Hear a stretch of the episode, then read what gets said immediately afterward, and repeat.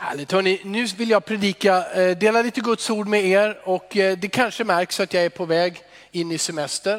Eh, den ska börja i, imorgon bitti senast har jag tänkt och ska vara ledig några veckor. Berättar senare mot slutet av gudstjänsten vad som händer de kommande veckorna här. Men nu ska vi gå till Guds ord. Vi har redan läst andra Korinthierbrevet 5, kommer läsa det alldeles strax igen. Men hörni, och det som vi upplever och varför vi upplever det vi upplever är för att vi är kallade in i ett gudomligt samarbete med Gud. Ett samarbete med Gud. Du är utvald. Du är handplockad av honom. Du är kallad. Du är utrustad och sänd av Gud. Det här livet, livet med honom är absolut inte tråkigt. Att leva i den kallelsen, att leva i det uppdraget är aldrig tråkigt.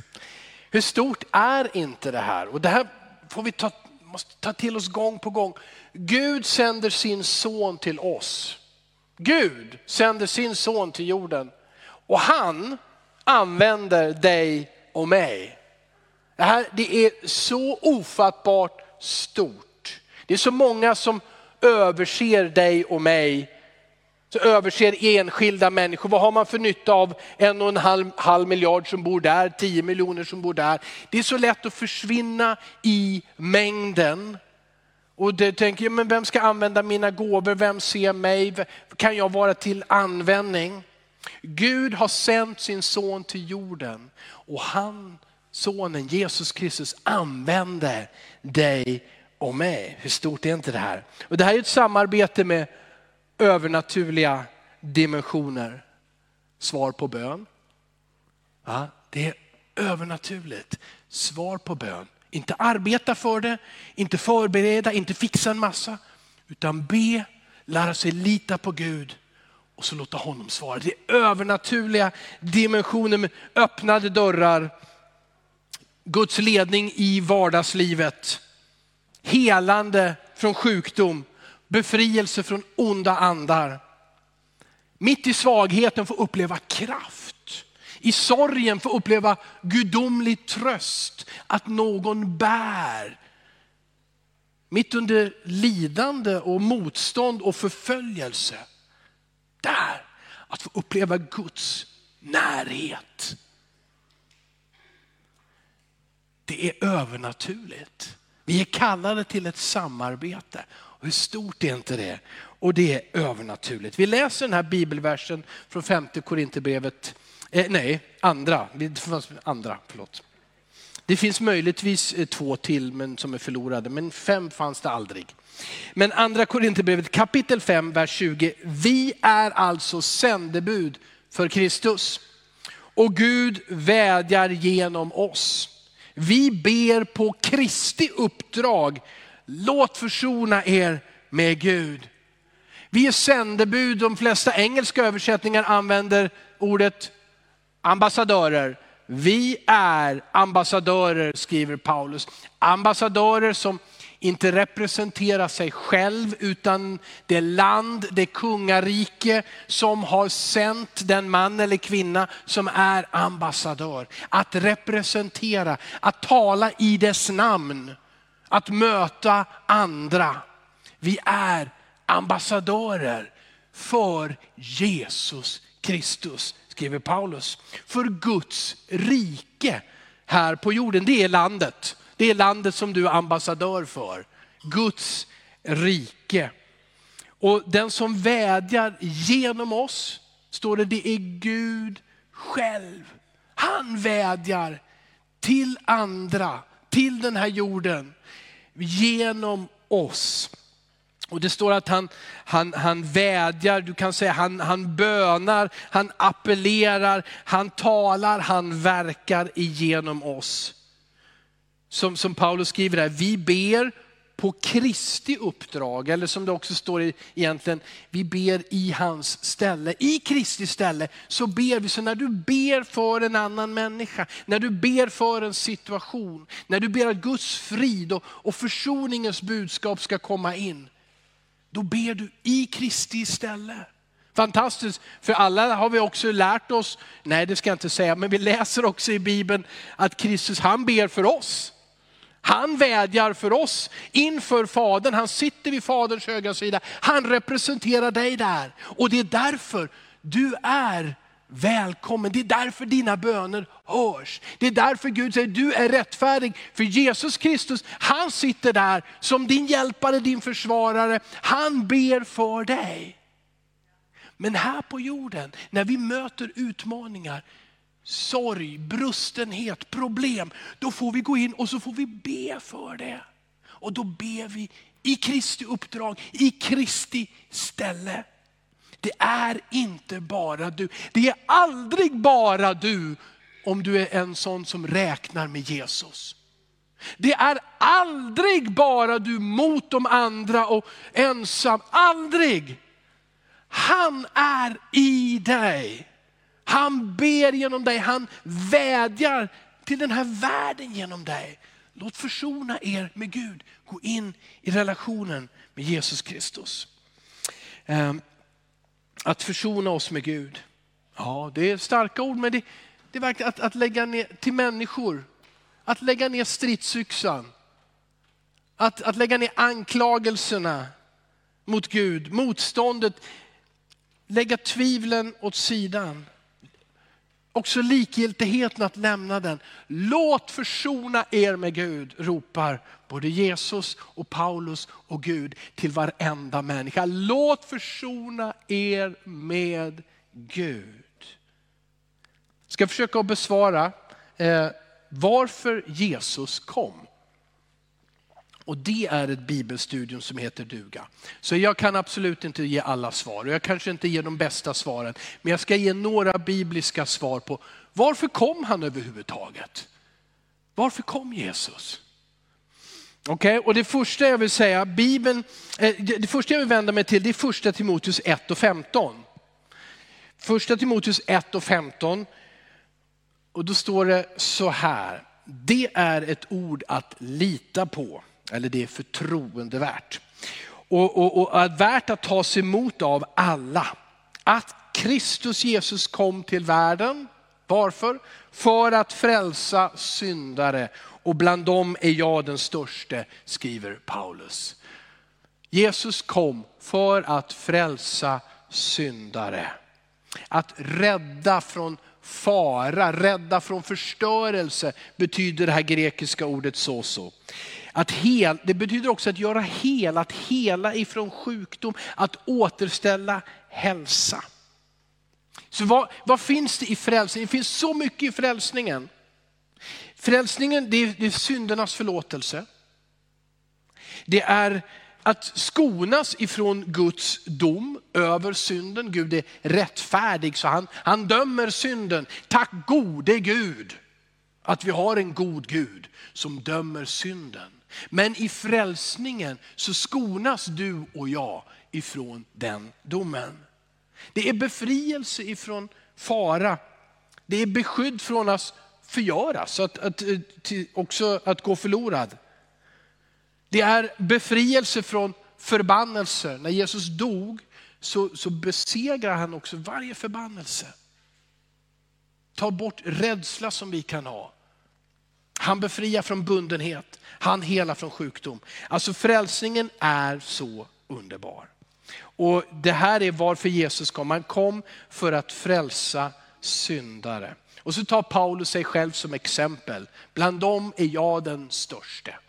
Han bara visa, om jag är förlåten, då är alla förlåtna. Ja, Ja, men nu skriver han inte att jag var en syndare, utan jag är en syndare. Jag är. Eh, bland dem är jag den störste. Ja, vad är det? Jo, men det är så här. Han är en syndare frälst av nåd. Det är du och jag också. Vi är en syndare. Därför så är det ibland svårt att förstå varför vill jag fortfarande göra det som är fel och, och vad gör Gud med det som jag verkligen gör fel.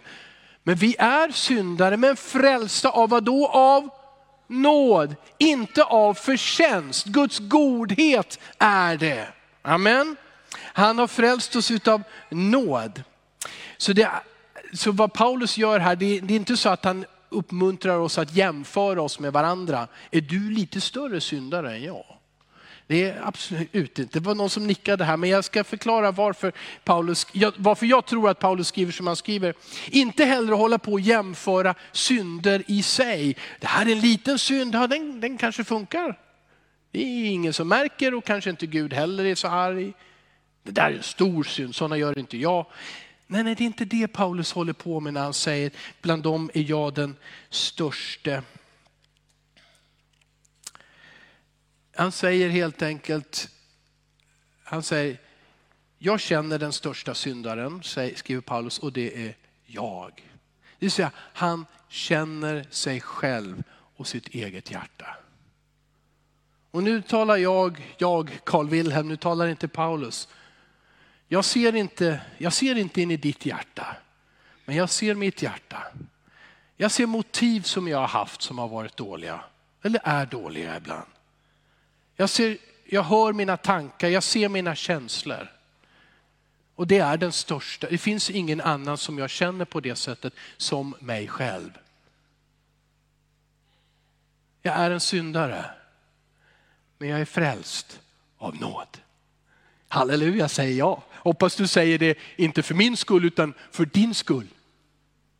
Du är frälst av nåd. Så det är lätt att se andra, ja men de fixar det och de sköter sig sådär och, och de verkar ha mycket tro och de gör det så bra de där. Och jag, jag gör, varför får inte jag till mitt liv? Varför funkar inte jag? Ja, men tänk att få erkänna och bekänna detta. Jag är en syndare men jag är frälst av nåd. Inte förtjänat, ingenting. Men Guds godhet är det. Och så tack vare nåden vet jag, och det är det som är så starkt. Tack vare nåden vet jag att jag är frälst. Amen. För så här uppenbarar Bibeln att Gud är. Gud ger nåd. Jesus Kristus har dött för våra synder. Alltså får vi veta, ha en frid, en övertygelse. Jag är frälst. Det är så motsägelsefullt detta tills du ger det helt till Jesus. Det är motsägelsefullt att säga, ja men jag är en syndare, jag gör fel och jag har konstiga idéer och jag reagerar för snabbt. Och det finns så mycket längtan ibland som inte alls är rätt. Vad är det med mig? Det här är konstigt och motsägelsefullt tills du överlämnar dig själv helt åt Jesus Kristus. För då ger han dig en frid. Då ger han dig en inre visshet, en kunskap. Jag vet att jag är frälst. Amen. Säg det till dig själv tack vare Guds ord. Amen. Jag vet att jag är frälst. Amen. Paulus skriver eh, precis efter den här versen i, i första Timoteusbrevet, när han precis skrev bland dem är jag den störste, så skriver han i nästa vers så här, vers 16. Men jag mötte barmhärtighet för att Kristus Jesus skulle få visa hela sitt tålamod först mot mig som en förebild för dem som ska komma till tro och få evigt liv. Vi får ta till oss av det Paulus skriver som en förebild.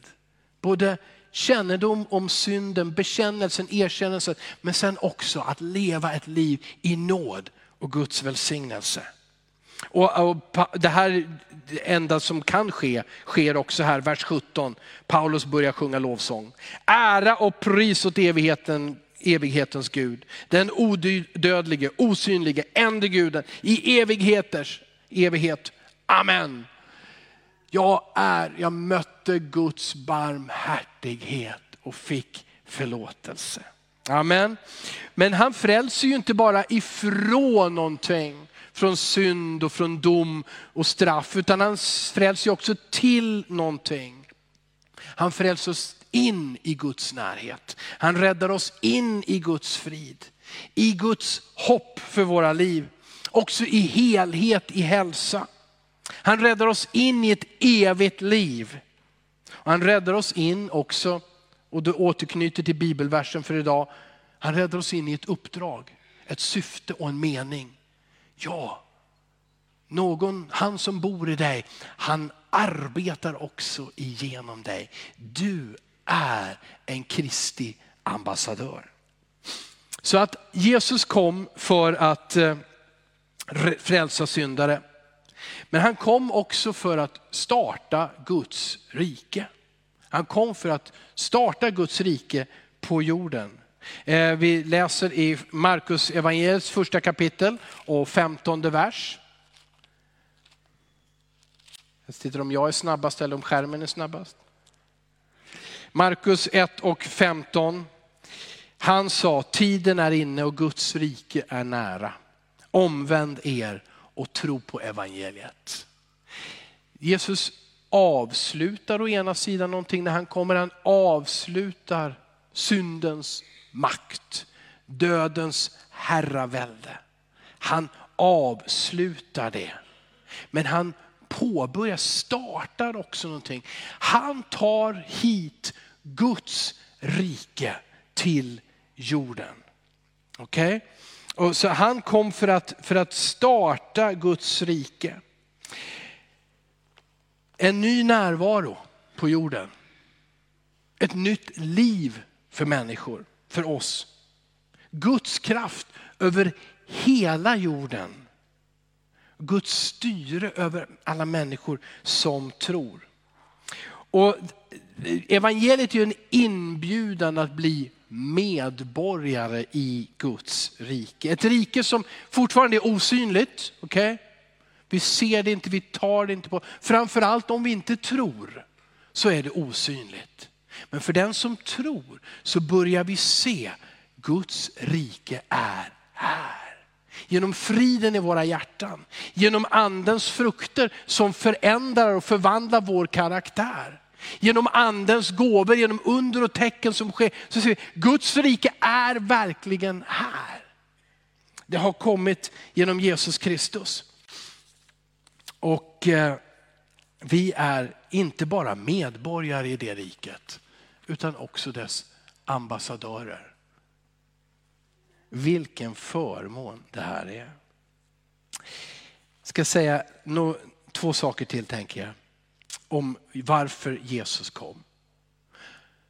Han säger också i Lukas 12 och 49, jag har kommit för att tända en eld på jorden. Åh vad jag önskar att den redan var tänd, sa han. I det här sammanhanget så talar Jesus om den sista tiden. Eh, den sista tiden, vi tänker, ja men det, det, det, är väl nu. Ja, ja men det är nu, men den sista tiden den inleddes också, precis som Guds rike, så inleddes den sista tiden med att Jesus kom. Eh, och Jesus berättar ofta om den, han illustrerar den eh, han varnar oss med att säga det här är den sista tiden. Han ropar faktiskt till oss att vakna. Att inte bara leva på som om att det alltid fortsätter. Utan det här är den sista tiden.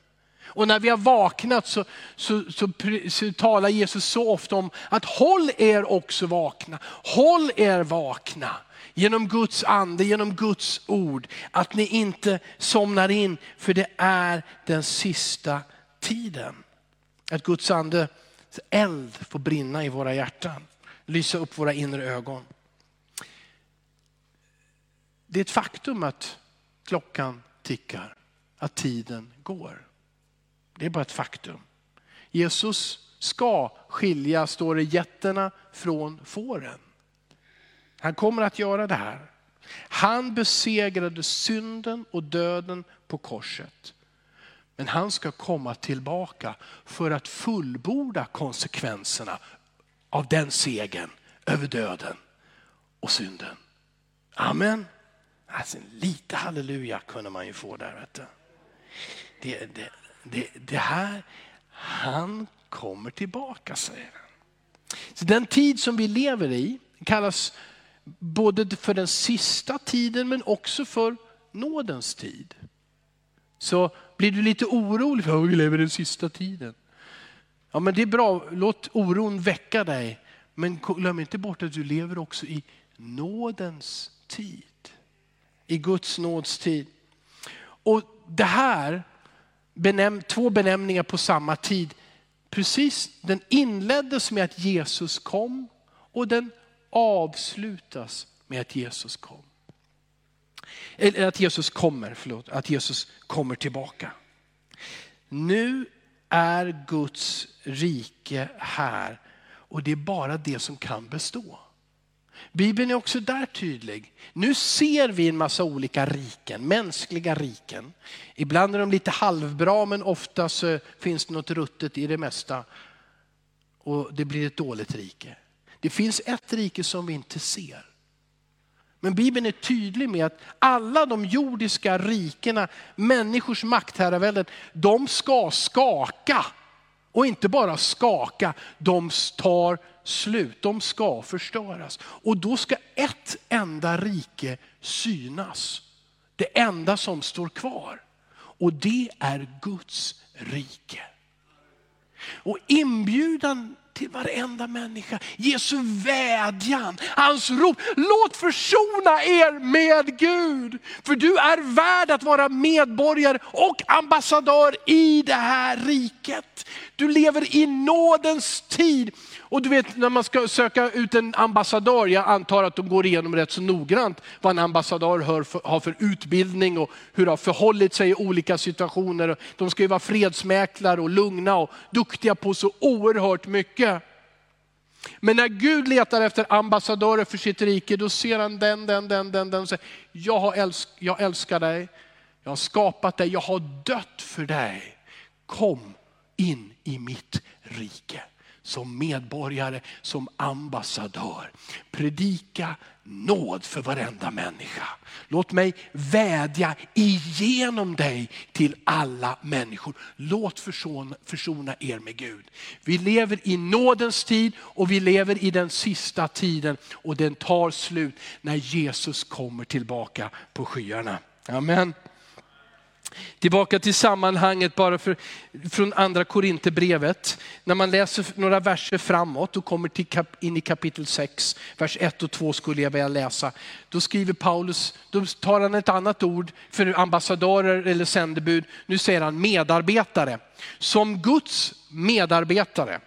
Okay? Så uppmanar vi er också att ta emot Guds nåd så att den blir till nytta. Guds nåd är given, kärleken, frälsningen. Ta emot den så att den blir till nytta och lev utav den nåden så att den blir till nytta. Och så säger, citerar han gamla testamentet, Jesaja kapitel 49. Han säger ju, jag bönhör dig i nådens tid. Jag hjälper dig på frälsningens dag. Ett citat från gamla testamentet. Det här är nådens tid och Gud hjälper dig och han hjälper andra. Jag hjälper dig på frälsningens dag. Och så avslutar Paulus så här. Nu är den rätta tiden. Nu är frälsningens dag. Nu. Amen. Amen. Vad är det för eld? Jag läste ju att Jesus sa, vad är det för eld som, som Jesus skulle komma med till jorden? Och som han önskar att den redan brann. Det stod så här, eh, tillbaka till Lukas 12. Jag har kommit för att tända en eld på jorden och vad jag önskar att den redan var tänd. Vad är det för eld han talar om? Vers 50 så står det så här, men jag har ett dop att genomgå och hur våndas jag inte tills det är fullbordat. Och det dop som Jesus talar om var inte att han skulle bli döpt i vatten en gång till, utan det, han talar om sitt lidande, sin korsfästelse. Han kallar det för ett dop. Så han säger, jag, längt, jag har kommit med eld till jorden. Men, och jag längtar att den skulle brinna nu, men först måste jag göra någonting annat. Jag måste gå igenom det här dopet, jag måste lida, jag måste dö på korset, uppstå och återvända till min fader. Och då kanske du också anar, vad är det för eld som han talar om? Johannes Döparen sa om Jesus så här, Lukas 3.16. Han svarade allesammans, jag döper er med vatten, men det kommer en som är starkare än jag. Och jag är inte ens värdig att lossa remmen på hans sandaler. Han ska döpa er i helig ande och eld. Det är den elden som Jesus passionerat, lidelsefullt längtar efter. Åh, att den här elden skulle brinna redan här och nu, sa han då, innan han hade dött och uppstått. Men nu har han dött och uppstått, återvänt till Fadern och där så sänder han den heliga ande. Med dopet i den heliga ande, med elden som brinner. Brinner i oss, i våra hjärtan. Att som Jesus se människor som lider och bli medlidande. Ha medlidande. Att som Jesus möta människor som är i behov eller bara vilsna och drabbas av hans barmhärtighet. Kom ihåg vad, jag, vad Paulus skrev, du är en ambassadör för Guds rike. Det finns i Guds rike, och nu, nu blir det lite tuffare här, det finns i Guds rike egentligen inget alternativ. Du kan inte säga, ja, men jag representerar mig själv, det är jag, om ni tycker om mig och min tro och hur jag är så kan ni ju hänga på till kyrkan och så vidare. Och liksom, jag försöker vara snäll mot er. Det är inget alternativ för en Jesu efterföljare. Jesus säger, vi ska dö ifrån oss själva dag för dag. Johannes döparen säger, jag måste bli mindre så att Jesus blir större. Vi är kallade att vara ambassadörer för honom. Och det måste få påverka vilka ord som kommer ur vår mun. Eller hur? Vi behöver välja vad vi säger, hur vi talar till människor, vad vi kallar dem. Eller hur? Jag tänker inte ge exempel på de orden. Vi behöver veta det. Hur lever vi våra liv? Vad väljer vi att göra när ingen tittar på? Du är Kristi ambassadör. Han sänder Det är ett stort uppdrag, men med uppdraget kommer också ett ansvar att leva så. Våra liv får reflektera honom, vi representerar honom och därför så döper han oss i den helige ande och.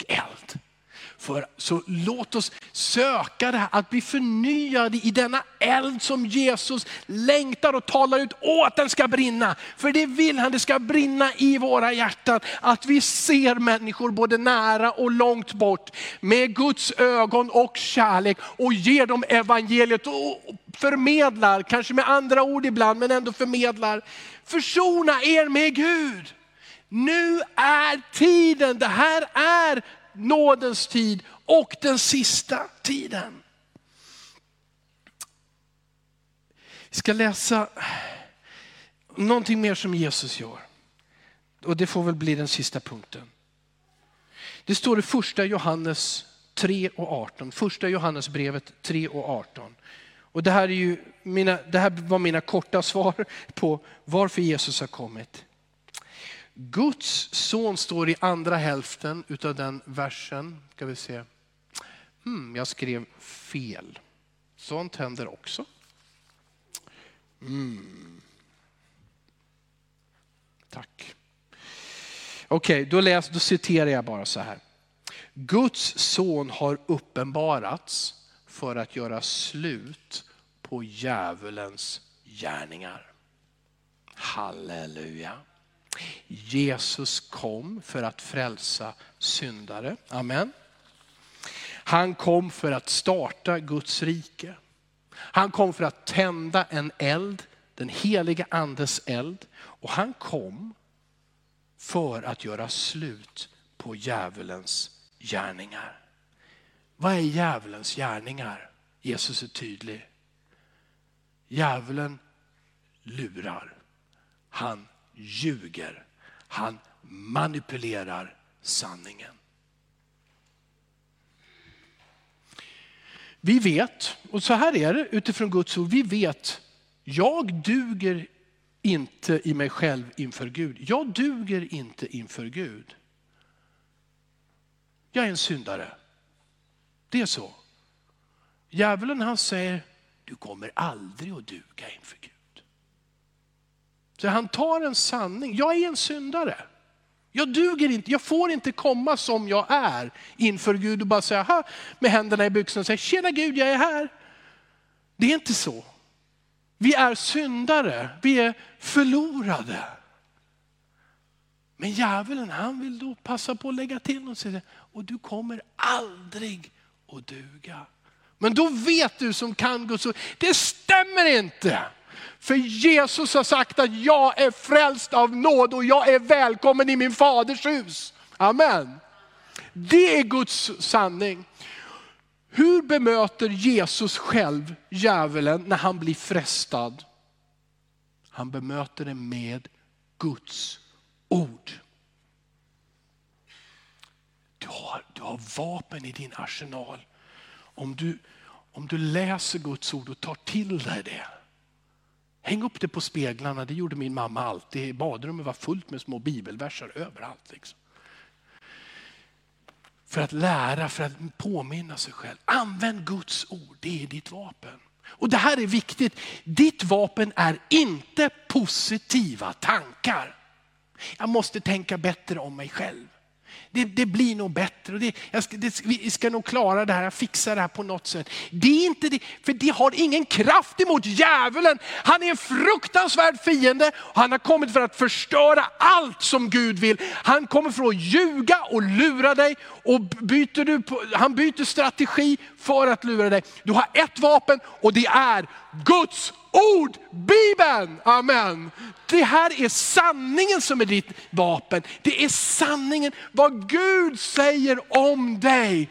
Det är sanningen och det är ditt vapen. Och så ska du gå till attack. Så ska du, inte mot människor, så ska du gå till attack mot det som du upplever där du blir frestad. Där, där djävulen lurar in dig i ett hörn. Ta Guds ord och bekänn det. I bön, bekänn det, tala ut Guds ord och fördriv den onde. Och det här gäller inte bara för oss själva. Utan det är ju det här, det här gäller även för andra. Det är därför som Gud har kallat dig att vara en ambassadör. För att du med Guds ord, du ska proklamera Guds ord, berätta Guds ord, berätta om Jesus. När människor säger jag är sjuk och jag har varit sjuk och jag kommer alltid vara sjuk så, så säger du inte för att du är en läkare och inte för att du är en besserwisser och inte för att du är positivt tänkande. Utan du säger bara, jag, har en, jag känner en Jesus och han helar de sjuka. Han har dött på korset för varje synd och också för varje sjukdom. Honom känner jag. Bekänn Guds ord. När någon säger jag orkar inte mer, och du vet, vad ska jag säga? Klappa på ryggen och säga, du orkar lite till. Jag säger, låt mig läsa Guds ord. Han, vår far, är all trösts Gud. Och han tröstar oss i vår nöd. Och så genom att bekänna Guds ord, tro på det, bjuda in honom att verka. Vi är kallade att vara ambassadörer som gör Jesu gärningar. Som, som, som han säger, som Jesus har kommit för att göra slut på djävulens gärningar. Han ger oss den helige andes kraft. Kolla den sista bibelversen som jag läser, Apostlagärningarna 10.38.